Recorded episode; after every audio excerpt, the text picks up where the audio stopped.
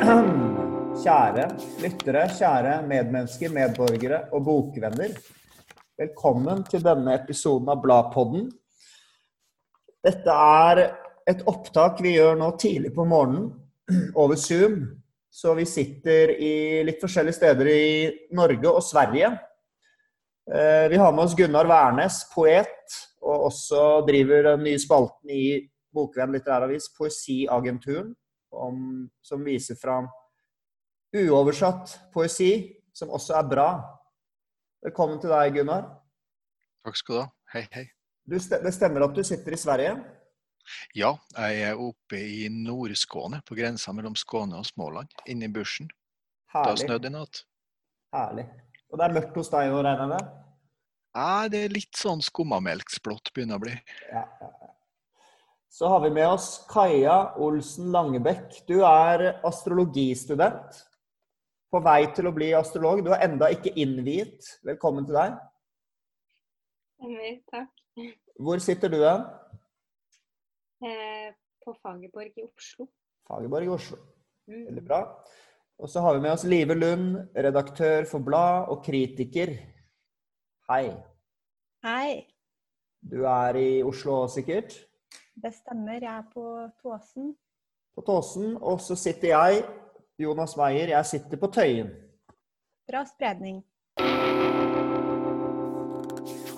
Men dere, vi er jo samlet her tidlig om morgenen for å snakke om Ariana Raines og hennes bok 'Merkur', som kom ut på Samlaget i fjor, hvis jeg husker riktig. Og Nei, unnskyld, 2019 kom den ut. Gjendiktet fra engelsk av Anna Kleiva. Det er tema for dagen. Det er en svær bok. Um, og Vi skal bare starte med å høre litt. Hva, hva er det denne boken treffer hos dere? Ariana Raines 'Merkur'. Vil du starte, Gunnar? Ja, jeg syns at det er ei uforbeholden bok. Den, har, den rører seg fritt gjennom mange stilnivåer. Den er frekk, den er ublyg. Den er den, veldig, den er veldig annerledes enn mye annen poesi, fordi den er såpass uforbeholden og ekspansiv. Og så er den eh, også uredd i sin omgang med å være med, med, det spirituelle, det mytologiske og det smakløse og det storkjefta. Jeg har eh, i snart 30 år hørt masse babbel om å blande høyt og lavt. Det er nesten alltid babbel, men denne boka her gjør faktisk det. På en, eh, og alt, være seg høyt eller lavt, det er kjærlig og alvorlig og morsomt og uironisk. Den er uironisk, det fins ingen distanse i den. Den er djupt alvorlig, og den er skrevet for å redde livet på poeten. Mm. Og det kan man kjenne.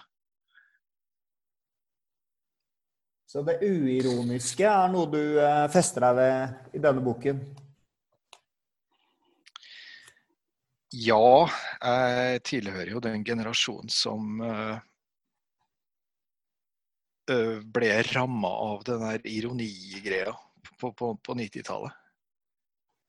Og det kjentes som om det indre, det indre mennesket avgikk ved døden et eller annet sted rundt 1994. Og Lillehammer-OL? ja. Men det var som om uh, den ironien å si ting ja, og så tenker jeg sånn. Eller ikke sånn. Uh, det, det snek seg inn noe uforpliktende og distanserende i uh, måten folk snakka på. Og det, skrekkeksempelet er jo den derre sitcomen Seinfeld, som på en måte er selve den ironiske sjelen. Da. Og det er egentlig bare en masse onde mennesker som kaster bort tid. Mm. Og så I kontrast til Seinfeld så har vi da her eh, denne boken 'Merkur'. Um, har du lyst til å, å lese noe for å sette oss litt inn på sporet her? Ja, og da skal jeg rett og slett eh, presentere Merkur ved å lese fra ei anna bok. Som, eh, eller fra et annet dikt som heter uh, 'Thursday'. Og den her, det her diktet ble, tror jeg ble skrevet rett etter Mercury ble utgitt. Og jeg vil lese fra det fordi det her er det første møtet jeg hadde med Ariana Rains, og det har jeg klart å tidfeste til 3. mai eh, 2013. For da var hun gjest på Trondheim Poesifestival. Eller jeg òg. Trondheim litteraturfestival heter det. Og da leste jeg hele 'Thursday' etter å komme eh, to timer for sent pga. et forsinka fly. Og det var som om, bokstavelig talt som om noen hadde satt opp et vindu når hun begynte å lese. Det var åpenbart, de, helt fra hun åpna munnen, at det her var en uh, stor poet som hadde kommet inn på scenen. Og Da leser jeg et utdrag på engelsk fra 'Thursday', som hun skrev i 2012. There is a small man standing up for himself inside me. I am a small woman standing up inside a tall man. In the world of persons, God lives in the black of mouths. Something spoken by this God is every God in even the worst words ever spoken, the lisps of death in every mouth. I have no choice but to bless you. The Lord commanded that I circumcise you. The Lord commanded that I circumcise my mouth. I am on all fours losing my baby. I am on all fours in the universal hieroglyph of prayer. That's how we fucked in the days of Sumer. That's how we did it in the days of Sumer. That's how we make love in the days of today. Let's just say I want to be drenched in love, sky, man, or gravity, gravity and grace, we whose mouths are vases of God. Black God shines gold out of the red vase mouth light. We are vases of God in universal light. I don't care if you think I don't know what I'm saying. I know what I am saying. This universe is moral. Wow. Ja, det der er tøft, altså. Mm. Det er noe med den linja der 'jeg bryr meg ikke om du vet', eller om du tror du vet hva jeg sier, jeg vet hva jeg sier. Mm. Det syns jeg kjenner veldig igjen fra Merkur også. Ja. Eh, ja. For det, det er sånn hun Det er sånn stemmen der er, på en måte. Det er liksom Man blir ikke innvidd egentlig i det hun beretter, eller det hun Det hun kjenner på, fornemmer, føler, har innsikt i, er liksom ikke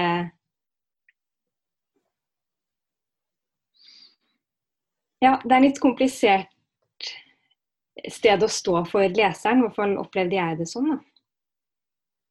Jeg er enig. Det er, det er vanskelig å, å helt uh, komme på innsiden av, av hva alt betyr. Og noen ganger så føles det som at det er språk som uh, som uh, Du må ha veldig mye kunnskap og referanser Mm. på hva, hva er det dette skal bety. Ja. Veldig. Og jeg eh, Hvis man ser helt bakerst i boken, så ser man at Anna Kleiva takker Gunnar Wærnes, som vi har med oss her i dag. Ja. Det, det kan vi avsløre at fordi det er jo en del kunnskap som, i denne boken som bl.a. dreier seg om eh, eh, myst, altså jødisk kabbala og magi og sånne ting. Og jeg, har- hvis jeg forstår det riktig, så har du vært med på den biten av det, Gunnar? Ja, jeg trua meg rett og slett eh, Jeg pressa meg på forlaget og oversetteren, kan man si. Og meldte meg frivillig mest fordi at jeg ville, hadde bare lyst til å være med på det her. Fordi jeg syns det virka som en fin ting å være med på. Men eh, av, ren lyst og nødvendighet så har jeg også lest mye jødisk eh, uh, utenom Tora-litteratur, deriblant Kabbala. Jeg har også fordypa meg i voodoo, som er en uh, sentralt og viktig konsept i Ariana Rains sitt uh, forestillingsverden. Og fra gammelt av så har jeg brydd meg om alkymi og alle de gamle vitenskapene som ligger liksom inni de nyere vitenskapene. Mest fordi at uh, sånt får man jo vite. Jeg syns det er mer interessant å vite sånt enn sjakk og science fiction og sport. Så noe må jeg òg interessere meg for. Men er det, det sånn.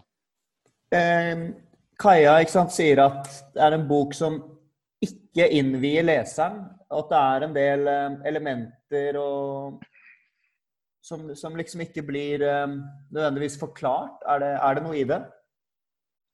Det er det helt klart. Hun snakker jo, Det er jo ikke pedagogisk univers. Hun snakker jo ut ifra, ut ifra sin egen uh, sitt eget verdensbilde.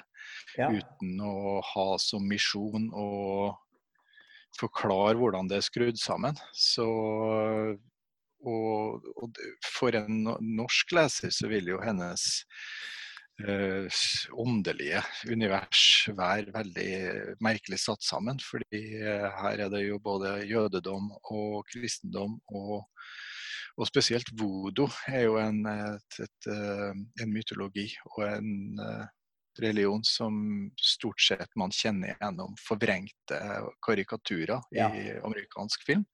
Så det er både ondt og tåpelig på samme tid. For da tenker man på disse dukkene man stikker nåler i?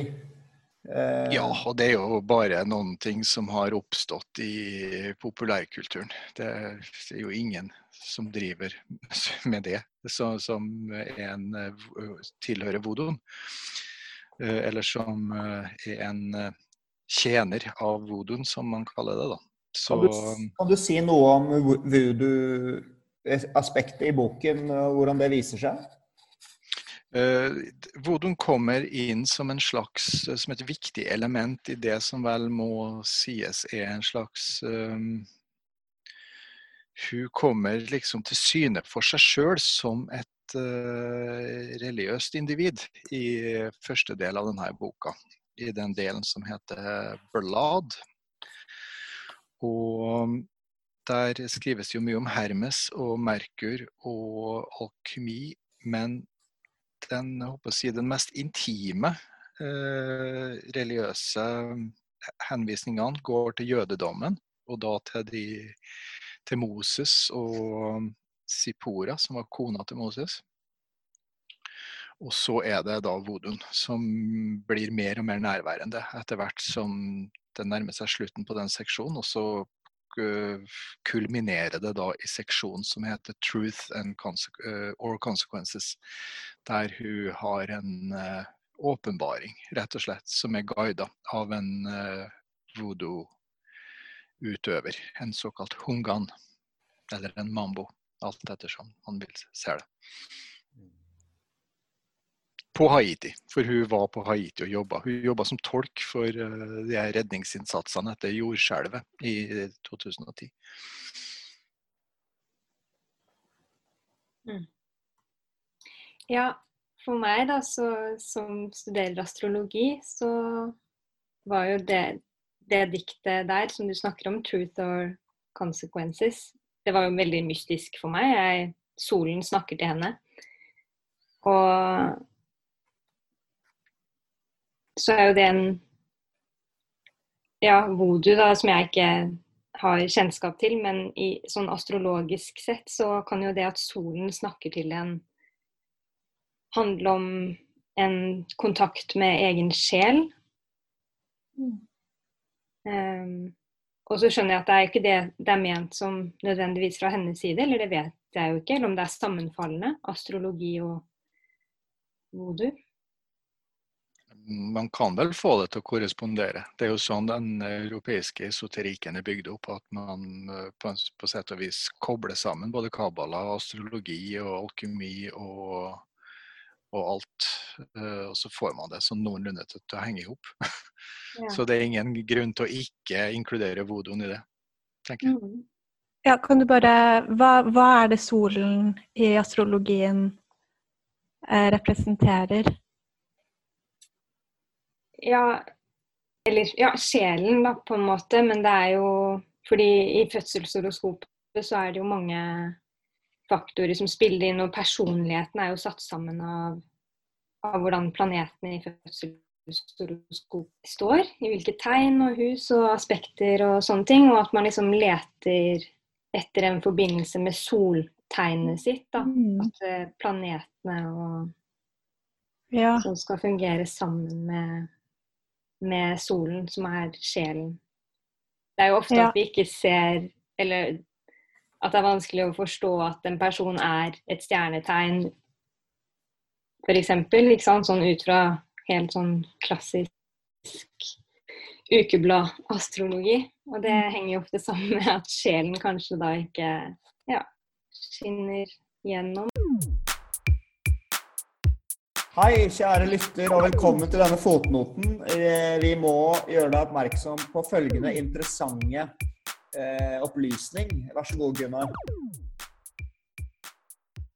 Ja, vi må ikke glemme at eh, Ariana Raines jobber som astrolog. Hun er en veldig populær astrolog i, i New York. Jeg tror hun er boka mange år fram i tid, faktisk. Og oh.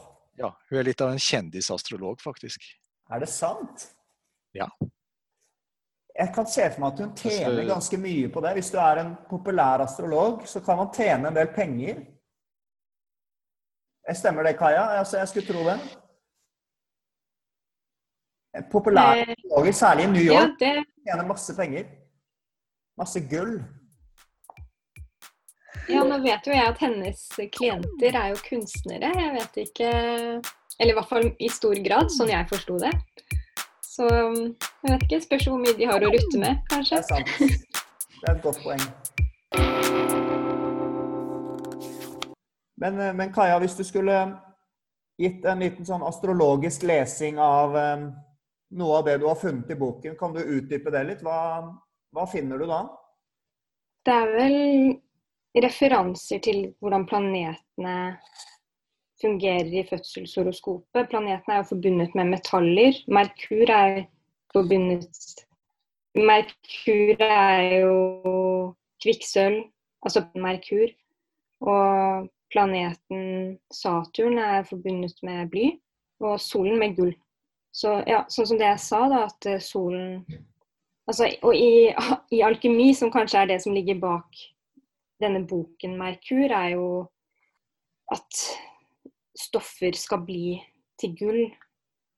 Astrologisk sett da, så er det jo kanskje da å få planetene til å fungere for solen.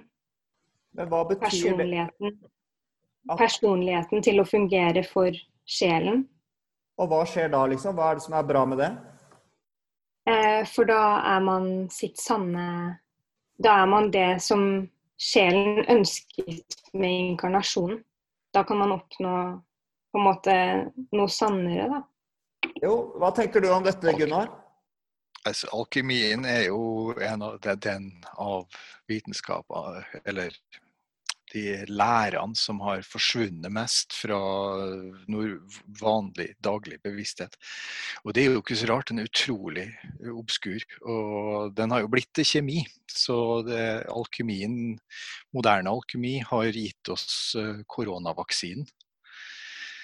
Men en gang i tida så var alle det her som Kaja påpeker, var metallene eh, assosiert med planetene, og planetene var assosiert med egenskaper i, i, hos mennesket. Så det er jo et ekstremt analog, analogiproduserende maskineri, den her alkymien. Og det også som, Kaja, som jeg oppfatter alkymien, som Kaja sier, så det handler det om en slags foredling. Alkymien er et metaforisk system som skal være en slags menneskelig foredlingsprosess. Da, hvor man begynner i det såkalte nigredo-stadiet, som er da ursuppa, dvs. Si det tarvelige, eh, begjærsstyrte mennesket som lever i skytteltrafikk mellom skrapelodd, nettporno og kjøleskap. Og så blir man da etter hvert et mer eh, raffinert og foredla menneske. Til slutt man, går man opp i sin sjels intensjon med inkarnasjon, vil si blir til gull. Det handla nok aldri om å produsere faktisk gull som man kunne sette i banken. Nettopp. Og i denne boken så er det mitt inntrykk at det begjærstyrte, at vekten ligger syns jeg, i det begjærstyrte Eller my, det er mye begjær, det er mye porno, det er mye, det er mye sex. Og det er liksom ikke sex som er um, uh, myk og to sjeler som forenes. Men det er, det er liksom dirty sex, da. Um, jeg ble faktisk minnet om Jeg lurer på om er tibetanske dødeboken. Det, nå, hvis jeg husker riktig, hvor sjelen etter den dør så begynner han på et eller annet tidspunkt å fantasere om sex. Og da blir han liksom bundet tilbake igjen i materien og blir reinkarnert. Eh, så det, jeg vet ikke om, Hva tenker dere om det, hvis jeg sier at boken har en slags vekt inn i det begjærstyrte? Det er vel um, et skikkelig understatement. Understatement. Se, se, ja. sex er veldig viktig i uh, det universet her. Det er jo det som fester kroppen til jorda, og det er også det som binder håper å si, Det er det som binder uh, lidenskapen til kroppen og sannheten. Og det Så kroppen er en viktig element i hennes kosmologi, da, kan man si. Og sexen er Og nytelsen ja. er det som på en måte innløser aspirasjon i virkelighet og møter. Og så er det jo selvfølgelig problematisk, da. For den er, eh, det er veldig mye ubehagelig, klein og uøm sex i denne boka. For eksempel her Hva sa du? Mm, eh, ja, er jo, det er jo pornoskildringer, rett og slett, som uh, dukker opp her i midten, vil jeg si. Nettopp. Jeg har bare lyst til å lese kort 127. Ehm, Ariana. Det eneste jeg tenker, er sex. Øv med buttpluggen. Gå rundt med den i kveld. Jeg vil at jeg skal dobbeltpenetrere deg. Hent kamera. Det må være et håndholdt kamera. Og så videre og så videre. Og så siden etter så kommer gull. Gull. Jeg vil ha gullet. Glitre, glitre, glitre, glitre. glitre. Ja, for jeg opplevde det vel kanskje som litt selvutslettende, nærmest. Den sexscena der, men det kan jo hende det bare er mine følelser. Men jeg syns jo Ja, for meg opplevdes det ikke som nødvendigvis Ja, var, var det begjæret hennes? Nei, ikke sant. Dette er vel en som skriver til henne, så vidt jeg skjønner? Mm. Jeg tror det er en rett og slett om det Enten er det et fiktivt uh, gjengitt e-postkorrespondanse, eller så er det rett og slett bare saksa ut ifra et uh, uheldig kjærlighetsmøte. Mm. Ja, for det er, det er, noe jeg Eller jeg vet ikke helt om det har med det å gjøre, men noe jeg liksom får en slags motstand mot i denne boka er at eh, jeg opplever tonen som ganske sånn At det er en sånn vilje til makt der, nesten. Og jeg vet ikke helt om den kommer fra henne eller fra en annen.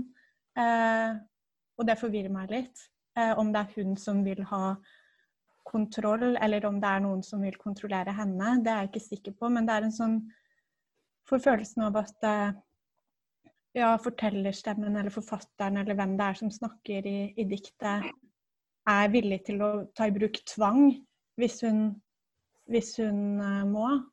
Og det er jo en type åndelighet som Ja, kanskje særlig i, i liksom den kristne åndeligheten som, som jeg i hvert fall har oppdratt til, så er det det med tvang Det er jo liksom Det er farlig, da. Det er um, uh, Det er på en måte å, å binde viljen til ja, andre eller seg selv. Og det har kanskje noe med magi å gjøre også. Eh, det å, å, på en måte Ja, at det er en type forvandling som skjer i denne typen alkemi som boka beskriver, som er kontrollert på en måte, da? Eller det lurer jeg i hvert fall på. Det er kanskje noe dere vet mer om, om hva er det som får forandring til å skje? Fordi i kristendommen så er det jo en veldig Så er jo overgivelse eh, det som får forvandling til å skje. Eh, kristendommen er jo på en måte anti-vilje til makt.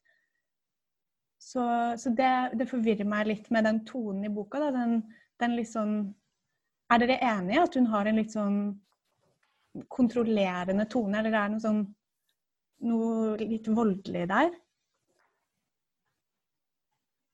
Ja, det vil jeg jo si er, er, er veldig tydelig. At uh, uh, sex og makt har jo blitt kobla sammen uh, av onkel Freud. Og sex har jo vært gjenstand for mestring av enkeltindivider og institusjoner i årtusener. Og det Jeg tror vi alle kan være enige om at om du ikke har at På et eller annet vis er man jo styrt av sitt begjær. Og så Man kan jo sette det på spissen og si at det er vanskelig å la være å tenke på sex. Og selv etter man er død, om man skal tro den tibetanske dødeboka. Og, så det her må du få et håndtak på. Kan man da si, med et lite understatement. Ellers så vil begjæret løpe løpsk med livet ditt, og da hender det greier som kanskje ikke er i tråd med dine intensjoner. Uh, kristen teologi f.eks. har jo også som du sier, handler mye om overgivelse og nåde, men samtidig har jo det, kristendommen også da produsert eh, en maktkultur og institusjoner. Og helt åpenbart ikke hatt kontroll på sine begjær. Absolutt. Så det kan man jo Så det, det man kan lære av det, er vel at begjæret bypasse alle intellektuelle ambisjoner. Så om du ikke får håndtak på det, så, så kødder det til livet ditt og intensjonene dine og alt. Jeg tror de fleste kan, har opplevd noen ting som kan eh, krysse det resonnementet. Ja, skal, vi dele, skal alle dele én episode hver? Hvor begjæret har grepet inn i livet deres? Nei da, nå, nå, tuller jeg. skal vi ikke gjøre det? Men uh, Live, hva skulle du si? Nei, finnes det overgivelse og nåde i, i den spiritualiteten som Reins formidler? Det vil, det vil jeg svare ubetinga ja på. At uh, det finnes en uh, både nåde og, og, ømhet her. Men uh, samtidig så er det veldig mye kamp, altså. Mm. Og, og, det er først og fremst verden, den, si, den, økonomiske og materielle verden, utgjør en enormt hinder. Og veldig mye av den der eh, pornosexen i midten av boka, den kommer jo også fra den verden der. Så her mm. knulles det, så, det, så det møblene rister. Og samtidig så er det ubehagelig. Det er totalt fritt for ømhet, og det er masse forfengelighet. Alle som driver og hengir seg til denne sexen, eh, ser også konstant på om de er solariebrun, eller om de er trent, eller om de har eh, sixpack. Eller, altså, det er et ekstremt eh, dystert bilde av den materielle verden som uh, Rains kjemper imot da, med sin poesi. Jeg skal blæ litt, skal jeg se om jeg finner et, en, en, en, en, overgivelse. Mm. Der, det burde da finnes. Men ja, når hun sier jeg vil når hun sier 'jeg vil ha gullet glitre, glitre, glitre', så kan det også være eh, distraksjoner. Det kan på en måte være solen, som Kaja snakka om, og da sjelen, på en måte. At sjelen Lengselen etter at, at sjelen skal eh, få virke, på en måte. Men, men det kan også være eh, falsk falsk glitring, holdt jeg på å si. Er det en le riktig lesning, eller en mulig lesning? Jeg føler jo at det er en lengsel etter liksom å ha seg selv. At det er det Mm. Ja. Mm. Jeg syns det var interessant eh, det du sa, Livet, om eh, at det er et forsøk på kontroll. Og det er noe jeg kjenner igjen selv fra Jeg er litt sånn selvhjelps, amerikansk selvhjelpsjunkie. Altså, jeg liker sånne amerikanske selvhjelpsbøker og, og leser det til stadighet. Følger med på YouTube Det er sånn. sterkt at du Ja, det er, eh, det er modig av deg å, å forkynne på. Bladpodden, syns jeg. Ja, men det koster meg ikke så mye. Men jeg, jeg syns jeg får mye ut av det. Men der er det jo en sånn streben etter å prøve å forbedre seg selv. Og så, og så mister man sporet, og så kommer man tilbake, og så ser jeg på YouTube med sånne folk som skryter av at de står opp kvart på tre om natten hver dag og trener hardt og sånn. Men jeg syns at i denne boken så er det så er det noe sånn rituelt, ikke sant? Og det er det partiet jeg faktisk likte best i boken, er det nesten ugjennomtrengelige, merkelige partiet som heter Merkur. Eh, som også har en del symboler som jeg eh, ikke vet hva står for. Men så kommer det Det er skrevet i versaler, store bokstaver. Så kommer det, det er tre ord etter hverandre. Timen, dagen, året. Det er første side. Begeret, nøkkelen, senga. Timen, dagen, året. Klokka, papirdraken, sola latent, timen, dagen, året. Sol, slem sol, osv., osv. Min favoritt er denne her. E-post, sorg, måne. Jeg vet ikke hvorfor, jeg syns det var veldig vakkert sammensatt. E-post, sorg og måne. Eh, men der jeg får ditt. ja, der får jeg assosiasjoner til ja, et ritual og et, et forsøk på å forandre seg selv, forandre verden. Og Det er kanskje det som er noe av det rituelle og alkemien i det. Og Jeg vet ikke om det er noe av det du reagerer på, livet, eller ikke reagerer på, men som du ser som noe annet enn en kristen prosess hvor du skal på en måte ettergi deg Guds vilje. Eller tar jeg feil? Eh, ja, eller jeg vet ikke helt om jeg har lest det inn i det, utdraget som du, du leste nå, men det er, det er absolutt det jeg Det jeg Ja, det bryter veldig med, med alt jeg har lært om åndelighet, da. Og det gjør meg jo også nysgjerrig, ikke sant, fordi, fordi det er en helt annen måte å å tenke på. Så det er jo ikke Det vekker motstand, men også nysgjerrighet. Um, Mm. Og og det, det må jeg si at liksom Alt dette, dette universet Man blir jo veldig konfrontert med at vi Vi i Norge har en veldig sånn uh, forflata, kunnskapsløs uh, holdning til alternativ spiritualitet, da, sånn som Gunnar sa om vodo. Og det gjelder jo astrologi òg. At det forbinder jo det Veldig mange lærer jo å forbinde det med ukeblad, liksom. Og det er jo sikkert veldig vulgær versjon av det som jo er en veldig gammel eh, spiritualitet med liksom et vell av erfaring og søken som folk har. Så det er jo Det, det syns jeg Reins klarer å på en måte vekke en nysgjerrighet for, da. Um, samtidig som det er noe i språket hennes som er litt uh, ekskluderende. Uh, vi snakka om de der symbolene uh, Eller du nevnte de symbolene i den, den delen, eh, Jonas, som er trykket Det er vel på helsider, at vi bare får se litt sånn hieroglyfaktige symboler.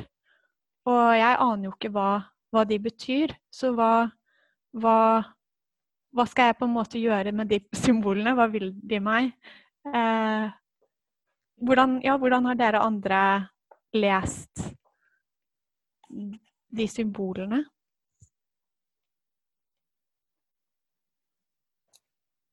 Jeg fikk slå, altså jeg tror ikke det finnes en sjel eh, i hemisfæren som ikke er nødt til å slå opp de her symbolene.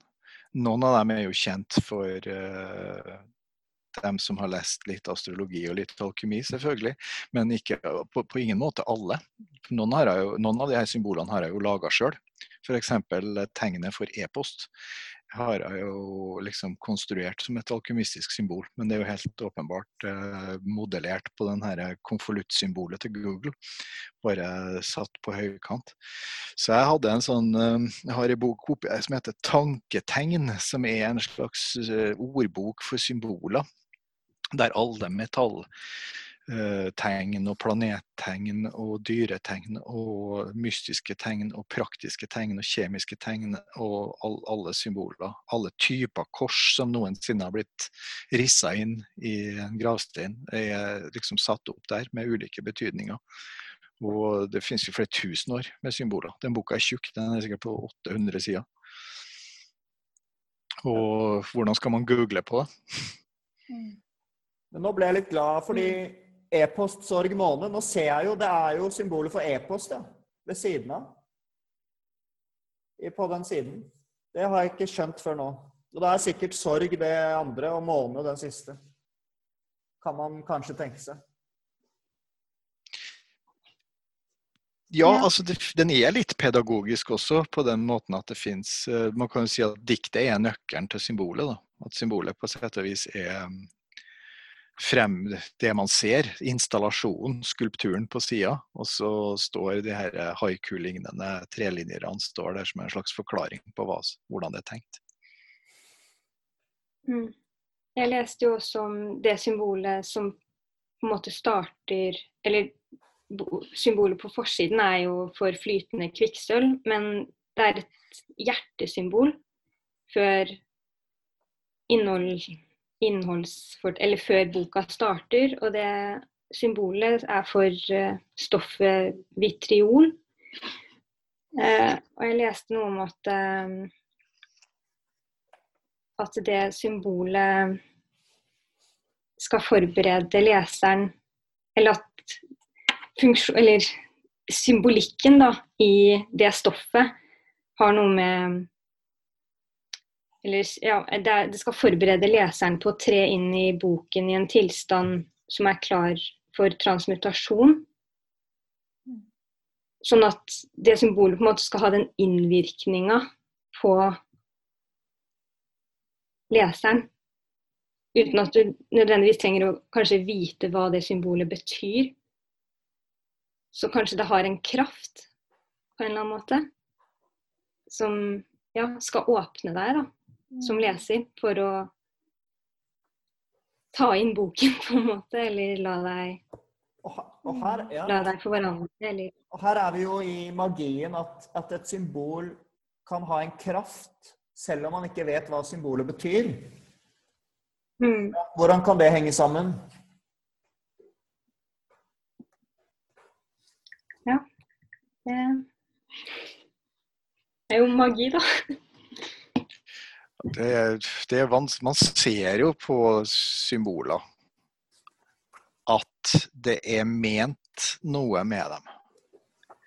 Tenk på de her tredokkene som henger i trærne i den 90-tallsskrekkfilmen eh, 'Blair Witch Project'. Den har jo, antar jeg de fleste har sett. Den er jo en epokegjørende film. Der henger det sånne små trefigurer oppi trærne. Det er det eneste man får se av skrekken i den filmen, egentlig. Og selv om det er vanskelig å vite eksakt hva symbolene betyr, så forstår man at denne rudimentære og skisseaktige menneskefiguren som henger i et tre, den betyr noe. Og man vet ikke eksakt hva. Og sånn er det jo med tegn som er rissa inn i trær, tegn som er hogd i stein, tegn som er satt med svart på hvitt papir. At man ser på dem at det her er ikke tilfeldig, det her er ment. Man, eh, vi respekterer tegnene. Vi tatoverer kinesiske tegn på skuldra uten å være helt sikker på om tatovøren kødder med oss eller ikke. Vi stoler på at det betyr eh, kjærlighet, likevekt. Men det kan det ikke gjerne bety eh, chicken curry, ikke sant? Det vet man ikke. Så er, det er vel sånn med språket at tegnet er en en effekt av at vi er språklige individer. Og selv de mest ubegripelige tegn eh, vitner om nærvær, vilje og formidlingstrang. Så vi er nok ganske prima for å reagere på dem. Men kanskje det er et både-og der, da? At, det, at ja, det er Det finnes ting i verden det finnes symboler, og de, de, virker i sin egen kraft. Men samtidig så handler jo denne boken mye om eh, hvis, det, hvis, man leser den sånn som du beskrev den, Kaja, litt sånn astrologisk, da, det, handler, det er en lengsel eller en leting etter sjelen, så, så, er det jo kanskje også en prosess som må skje, og, og at tegnet på en måte må forstås og må tolkes og formidles. Eh, selv, om det, selv, om det, er der og kanskje virker, så, så eh, Det er jo noe av det poesien holder på med, er det ikke det? I det hele tatt. Liksom det å, det å få tegnene til å tale og, og ja, det, det, bruker jo Alt språk benytter seg jo av tegn som ligger der fra før, men det er allikevel eh, Vi kan allikevel gjøre en innsats da, for å få dem til å eh, leve, kanskje? Absolutt. Altså, jeg mener det, det, snakkes flere plasser i denne boka om å rett og slett sette et kryss det er en, eller, eller sett, tegne en X. Det refereres det til flere, flere ganger. Uh, og det er jo det enkleste tegnet, å sette et kryss. Og legge to pinner i kors, for å sette det litt på spissen. Og um, det med det, den enkle X-en er at det er så simpelt symbol så at du kan gå rett forbi det. Men samtidig, du kan, som du sier, så kan man fordype seg i, i det og se hva kan det bety. Her er det jo knytta til eh, en slags eh, verdensordning. Et, et, kryss kan jo også bety himmelretninga. Bare for ja. å det er jo en litt sånn uh, avstikker, men jeg sa jo at jeg leser uh, Jon Fosse nå, septologien, og den starter jo bare med at han ser på et maleri av NX et kryss. Og så handler det på en måte veldig mye av de første bøkene om hva, hva er det egentlig han har malt der. Hvorfor er det, denne X-en viktig? Ja, her står det faktisk om X-en. Eh, var, var en båt, ville ankeret være en X. X for avvik, X for unevnelig, X for nøyaktig, X for se til en X der det hender. Tråleren ville myldre av hummer og ugras og perler og makk.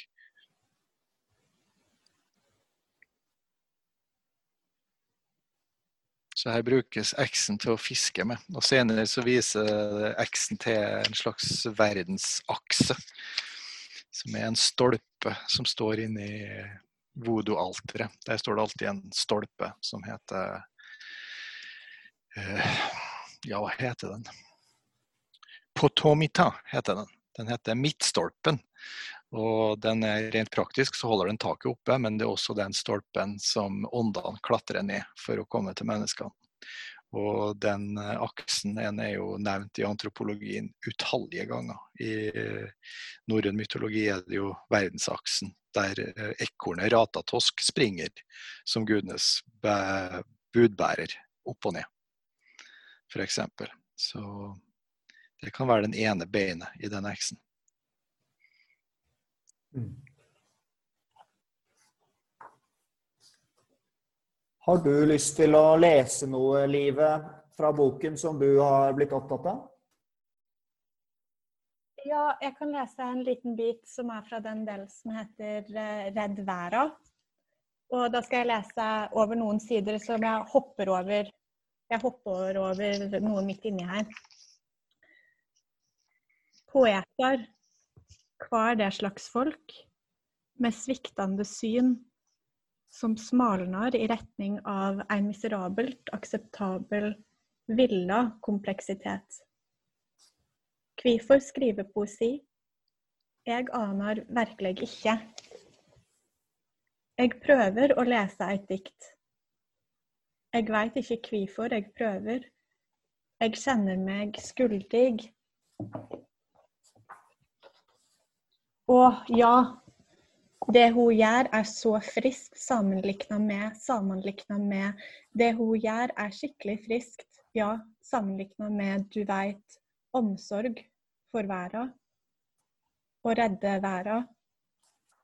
Er ikke dette perverst? Det fins en orden.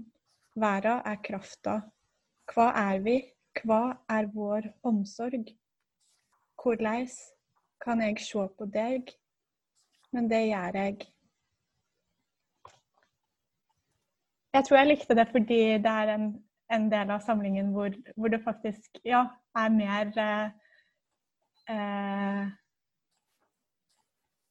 varme og Eller ja, bare det et ord som omsorg blir brukt. Det står jo i kontrast til den språkbruken som av og til er ganske hard. Og og dette er jo forståelig i et sånn helt sekulært univers også, ikke sant? Eh, at, at, er det å skrive poesi eh, Kan det redde ver verden? Og hva slags omsorg er det? Eh, ja, det Det er veldig tilgjengelig, da, for meg. I hvert fall Hva det Det er lett å lese uten å, å måtte forstå en hel, eh, en hel åndelighet, på en måte. Og så selvfølgelig skjønner jeg at det, poesi for henne da kanskje er noe åndelig, eller at det å skrive poesi har med For henne, da, at det, det, hun vil at det skal være transformativt, og kanskje stille spørsmål ved det? Hun er veldig oppgitt over sånn Flere ganger i boka så raljeres det over eh, intellektualiserende poesi og universitetspoesi og mannlige poeter som har stivna i sine former. og Det finnes jo rikelige muligheter til å bli et kjøtthøv når man driver med diktning. Det er det vel ingen som er i tvil om. Og, men gjort rett, så kan poesien, eh, om ikke redde hele verden, så kan det i hvert fall redde en poets verden. Og det, det, det er jo et sted å begynne, altså. Mm. Ja. Det, det, du leste, Livet Jeg forsto det som at hun, hun nevner, eller poeten, eller lyriske jeg, da, nevner ulike lesninger av poesi. Sånn Det hun gjør, er skikkelig friskt, ja, sammenligna med det du veit. At det er ting man liksom kan si om hennes poesi eller andre. Men så kommer dette Er ikke dette perverst? Og det, det føler jeg Det er litt den kommentaren jeg hadde i sted. Litt, bare sagt på en litt mer eh, innpakket måte, da. Jeg holder boken og så sier Er ikke dette veldig perverst? Eh, så hun, hun, foregriper, hun foregriper den lesningen litt, da. Ja. Mm. Fordi det er jo en anklage fra meg òg, ikke sant? Altså Denne sexen her, den er jo virkelig mørk og Jeg klarer jo ikke å forholde meg nøytral til det på noe som helst måte. Nei. Ikke at jeg skulle det, men eh, men det er en dynamikk jeg kanskje ikke var klar over før du leste det du gjorde nå, Livet. Mm. Mm. det, det var en ting som slo meg, at i poesien så blir ting veldig blir ting veldig nakent. Så når man da skildrer porno i et dikt, så blir det ekstremt stygt. Samtidig så lever vi jo i en verden der eh, store deler av internettrafikken i løpet av et døgn på foregår nettopp for å transportere porno fra database til bruker. Og det er på sett og vis også normalisert. Men når det da pornoen dukker opp i ei diktsamling, så, så reagerer man. For da er den oversatt, pornoen oversatt til et annet språk. Og pornoens uh, idé om synlighet og hva som har vært skjult og hva som skal vises, det er jo en trope som går igjen i boka. Og uh, den er nok satt der for at du skal reagere, fordi poesiens nakenhet er brukt som, også som konfronterende med redskap. Det er jo en veldig konfrontativ poesi også. Den er jo et genuint forsøk på å gjøre alt. Både være åndelig og konfronterende og overgitt og ha kontroll over sitt eget liv. Alt, alle ønsker er her, tenker jeg. Mm. Og da rygger man litt tilbake, når noe er såpass kraftfullt og nakent, tenker jeg. Mm. Jeg lurer veldig på om, om denne boka kunne ha hatt så stor suksess som den har hatt for, for uh, eh, 10-15 år siden. Eller om uh, ja, før jul så var jo vi på en bladmiddag, Jonas, hvor vi satt og diskuterte med to andre om, om mennesket i det hele tatt har sjel. Og, og, vi var vel enige om at det, det har vi, mens de to andre var uenige. Og det er, det er hele denne eh, podkastsamtalen eh, For noen lyttere så vil jo kanskje hele premisset være latterlig. Eh, men, men jeg har inntrykk av at den i mindre og mindre grad er det. At det, at det har blitt ganske mainstream å snakke om sjel. Eh, men, men, ja, hva tror du, Gunnar, som har vært i poesigamet en stund? Er det Er eh, denne boka eh, den, den oppstår kanskje ikke i et vakuum? Nei, den har klare forgjengere i, i poesien. Og kort oppsummert så står Ariana Raines på skuldrene til flere amerikanske poeter. Sterke, ekspansive feminister. Eileen Miles, Bernadette Meyer og helt spesifikt Alice Notley. Så eh, alle tre forfatterne er, har vært ekstremt produktive. Eh, politisk radikal. Uh, og i Notley sitt tilfelle så, så, er jeg jo et slags medium. Og ingen av de forfatterne her er kjent i en norsk poesiverden. Så det må nok forstås litt på bakgrunn av en spesifikk eh, amerikansk motkultur som har vært eh, i kontinuerlig gang siden hippietida, egentlig. Så det er vel det Rains gjør Eh, litt, at hun trekker tydelige inspirasjoner fra, fra hippietida. Og i poesien så har de levd uforstyrra siden 60-tallet. Eh, gjennom For poeter blir gamle, ikke sant. De jobber fra de er 20 til de er 80. Så popstjerner blomstrer og forsvinner på fem til ti år. Mens en poet kan holde på å traske på som, en, eh, som et jazzgeni i 60 år. Og, og det er tilfellet med de her eh, forgjengerne til Rains. At, eh, at de har hatt et budskap der sex, kjærlighet og verdensfred har vært et uh, sentra sentrale uh, ambisjoner. Og så har man jo hatt ulike strategier for å opplyse verden og implementere de ambisjonene i omverdenen. Men uh, nei, jeg tror ikke denne boka kunne ha kommet for 20 år siden. Ikke ha kommet på 90-tallet. Jeg tror boka er en reaksjon på den mye av den uh, hva skal man si, den latensperioden mellom uh, apartheid og muren forsvant. Og den skrekken som slo oss når vi innså at verden er ikke bare like ond som før murens fall, den er kanskje til og med enda verre blitt. Etter Putin, internett og de Pax Americana, så så ble det veldig tydelig at uh, historien som et progressivt forbedringsprosjekt, den ambisjonen den holder ikke. Man må, kan ikke forlite seg på historien som en progressiv kraft, man må påvirke den aktivt. Og den aktivistiske tråden den lå kald og nede på store deler av 90-tallet. Det reagerer denne boka imot, og den gjør det ved å trekke bånd tilbake til 60-tallet, skulle jeg sagt grovt regna.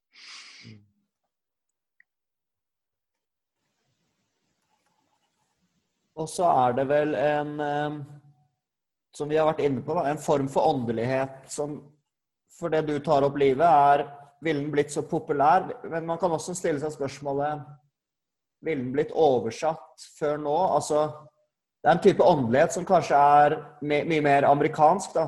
Eh, og det eklektiske, som du har vært inne på mange ganger, Gunnar. Og du også skrev til oss på en mail tidligere at uh, det er et, på mange måter et fremmedelement da, i en sånn norsk, uh, luthersk uh, renhetstankegang. jeg vet ikke om det var det du var inne på, Liv, mente, Livet, at, at åndeligheten i boken er på en måte noe litt nytt også i, i norsk sammenheng?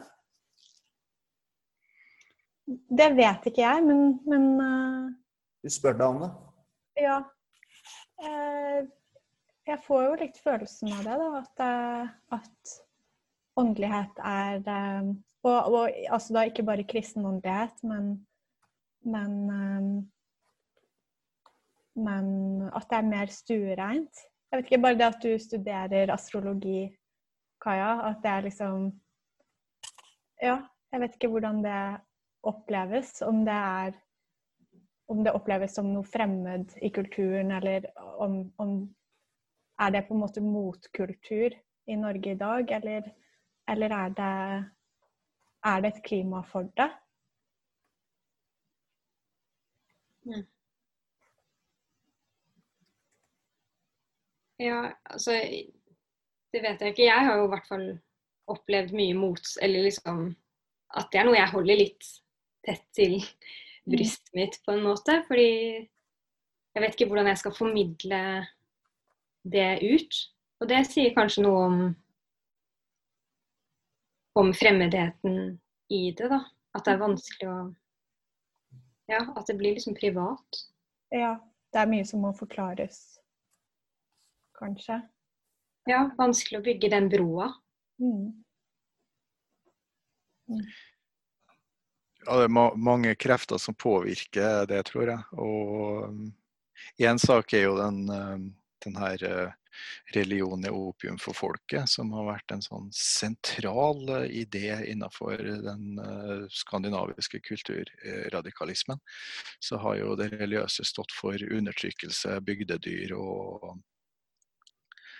det har vært den, den bildet av religion i i kulturen har vært veldig repressiv. Og det kan man jo ikke ljuge bort at det har hatt et repressivt element. Religiøse kulturer har det. Det blir fort sånn.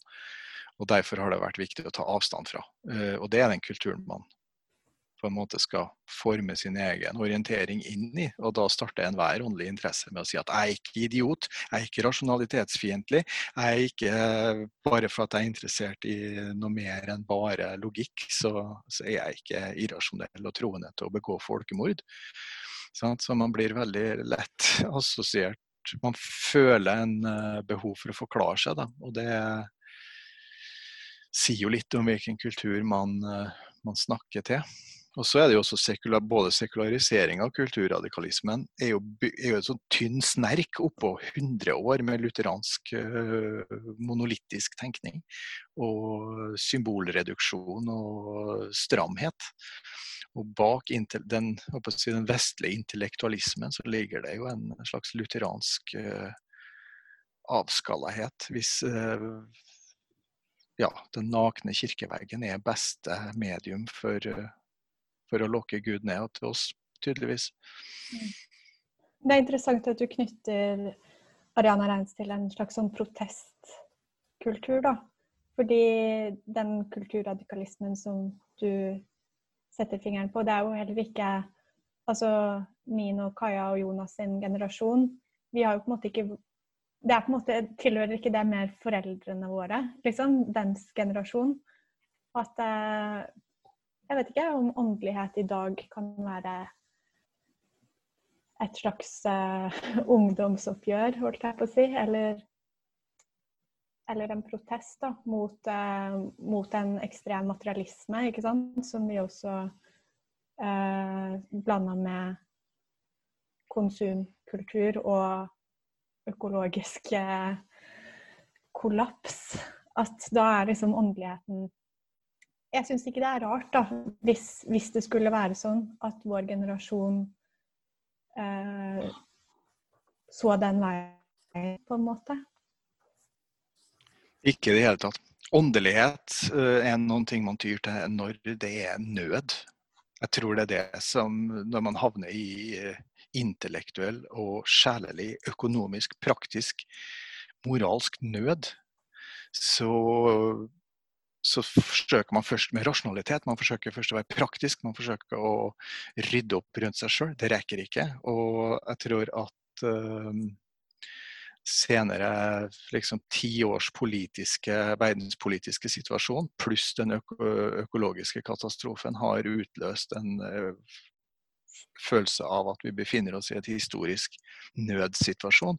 Og jeg tror at uh, åndeligheten med sin gammeldagse og ofte liksom åpne og komplekse symboler, at der kan det også finnes spor til å tenke mennesket som en mindre skapning i en større i en større setting. Spesielt viktig for en økologisk bevissthet så kan det finnes eh, For vi må ikke glemme det at den økologiske katastrofen vi befinner oss i, den kommer som en direkte medløper til et, et, et, en, en åndelig paradigme som har satt mennesket i sentrum, og som har hatt materialisme som som hovedhistorisk uh, strømning. Og materialismen er sikkert vel og bra å løse problemer med på jorda i det verdslige, men samtidig, ved å sette mennesket i sentrum på den måten som det har gjort, så har det også muliggjort en eksploatering og en uh, ødeleggelse som er helt ja, menneskelig. Men det går ikke an å ha det sånn. Vi ødelegger jo verden. Eh, for oss sjøl ved å sette oss sjøl i sentrum på den måten. Mennesket må bli mindre, og åndeligheten er et redskap for å sette mennesket mer i sin sammenheng. Rette sammenheng, da. Kosmisk, økologisk og også medmenneskelig, antageligvis. Og det syns jeg er nedfelt i denne boka på ulike nivå. Jeg syns er utrolig spennende det med konsumkultur og materialisme og åndelighet. Og, og, tilbake til det gullet, da. Jeg vil ha gullet. Glitre, glitre, glitre, glitre. glitre. Det er en veldig dobbelthet i det. Altså gull som materiale og, og, og musikkvideogull versus gull som sjelen og foredling og så videre. Det er en, eh, en, litt produktiv eh, tvetydighet. Jeg, da jeg først leste det i boken, så syns jeg det var litt sånn slapt. Gullet glitre, glitre, glitre. Ja ja, men, eh, men det, det, er jo fullt mulig å, å, forstå det på en mye mer Ja, det får en mye mer mening, da. Særlig etter det, noe av den kunnskapen som dere har delt nå om alkemi, f.eks. Astrologi, solen. Og da avslutter vi med eh, ta en liten runde på deres favorittmagiker. eh, fra populærkultur, litteratur eller mytologi. Og ja, Kaja, kanskje du har lyst til å starte? Eh, ja, jeg vet ikke Jeg bare fikk et bilde i hodet, og det var et maleri av eh, sir John William Waterhouse av Kirke. Så da sier jeg Kirke. Kan ikke du bare forklare for lytteren som aldri har hørt om Kirke, eventuelt eh, meg, da? Ja. Jeg har hørt om Kirke, men Ja. hvem er hun? Eh, nei, hun dukker i hvert fall opp i Odysseen. Eh, fordi hun er jo en av de avledningene, eller hva man skal kalle de, eller hindringene som Odyssevs møter på. Så hun forvandler jo Ja, det er jo ikke et særlig sympatisk bilde av henne egentlig, men jeg tror hun er litt misforstått. Men um, um, Ja, hun forhekser i hvert fall mannskapet til Odyssevs Ja, til griser. Stemmer det? Mm. Er, det? er ikke det fordi de spiste noe mat de ikke skulle spise? Jo, det var, eh, det var noe med det. Tok seg til rette. Ja. Mm. ja. Live, hva med deg? Din favorittmagiker? Eh, Jeg tror at mitt svar på det blir Roald Dahls Matilda. Hun syns jeg er en veldig kul magiker, eh, også fordi Nå er det lenge siden jeg har lest den boka, så jeg har det ikke helt bestemt, men, men sånn jeg husker det, så, så oppdager hun jo på en måte at hun har spesielle evner, og det på en måte er knytta til intelligens. Eller i hvert fall blir det litt sånn for leseren, fordi hun, hun er jo fattig og har slemme foreldre og en slem, slem lærer. Men hun er råintelligent. Og, og det er akkurat som at det, det magiske hos henne også, også er noe intelligent, da. Og det, det er jo en sånn forlokkende tanke at det, at det er innenfor det menneskelige, på en måte, men, men at vi kanskje bare bruker en viss del av den kapasiteten vi faktisk har, da, til å, til å forandre ting i verden. Ja. Så det syns jeg er godt tenkt av Roald Dahl. Mm. Mm. Jeg, jeg tror jeg vil slå et slag for den um, Når man tenker på magikere som spontant, så tenker man liksom på spektakulære figurer som gjør underaktige eh, ting. eh, Og på direkten kan gjennomsette sin vilje gjennom lyn, eksplosjoner og Så jeg er litt mer på bare å bruke huet. Og de midlene som man har til rådighet, det er det som er si, magiens rute ett. Da. Så min, eh, min stemme tror jeg går til Gunvor Hofmo. Jeg syns at hun med sine med de midlene hun har til rådighet, så er hun den, eh, den magiker jeg tyr meg til i dag. Ja. Og da vil jeg legge til eh, Magika fra Tryll fra, fra Donald-universet. Og så eh, bare registrerer jeg at alle fire har nevnt kvinnelige magikere. Så det passer jo bra med Merkur, som også er et symbol for eh, Skal vi se, hva står det på Kvikksølv representerer ånda, det kvinnelige og det flytende. OK. Kan jeg få legge til én liten, liten ting? Ja, gjerne. F- når du sier det at vi, jeg tror det blir så spontant at man kanskje tenker, plasserer det magiske i, i, i det feminine.